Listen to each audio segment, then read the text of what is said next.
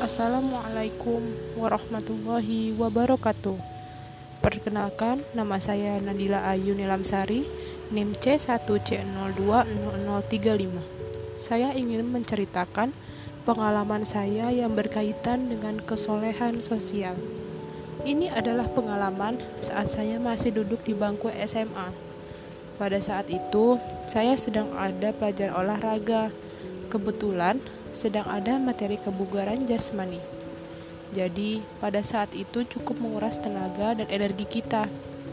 Ada salah satu teman saya, dia mempunyai riwayat penyakit jantung. Jadi, pada saat itu dia memaksakan dirinya untuk mengikuti materi tersebut. Kemudian, setelah pelajaran tersebut selesai, kami istirahat bersama di kelas. Saya lihat dia langsung tertidur di lantai kemudian langsung memejamkan mata. Setelah kurang lebih 15 menit, temannya membangunkan, tetapi dia tidak kunjung bangun.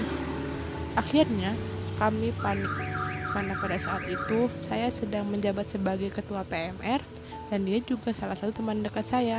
Saya langsung meminta bantuan teman-teman kelas saya untuk membawa dia ke UKS. Di UKS, saya menangani dia dengan memberikan oksigen terlebih dahulu dan berusaha membangunkannya. Tetapi dia tidak bangun juga. Kemudian terdengar nafasnya sudah sangat berat, sampai seperti orang yang mendengkur. Kemudian saya langsung melaporkan ke guru untuk meminta dibawa ke rumah sakit.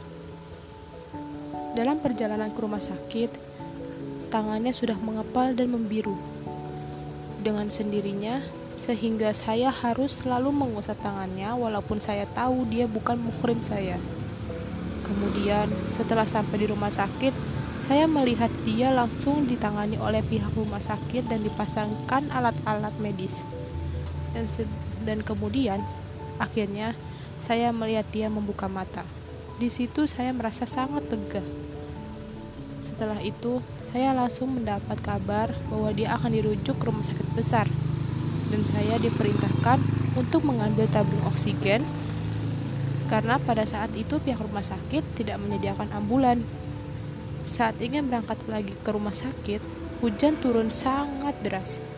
Saya sambil mengendarai motor membawa tabung oksigen yang sangat berat dan saya tidak memakai jas hujan pada saat itu. Sehingga seragam yang saya gunakan basah semua. Tetapi itu semua saya niatkan untuk ibadah, ikhlas menolong orang lain karena sebaik-baiknya manusia adalah yang bermanfaat untuk orang lain. Setelah sampai di rumah sakit, saya melihat dia sudah dimasukkan ke dalam mobil sekolah, dan saya langsung memberikan tabung oksigennya. Setelah semuanya selesai, saya langsung disuruh kembali ke sekolah untuk melanjutkan pelajaran selanjutnya walaupun dalam keadaan seragam yang basah. Sekian pengalaman saya kurang lebih mohon maaf. Wassalamualaikum warahmatullahi wabarakatuh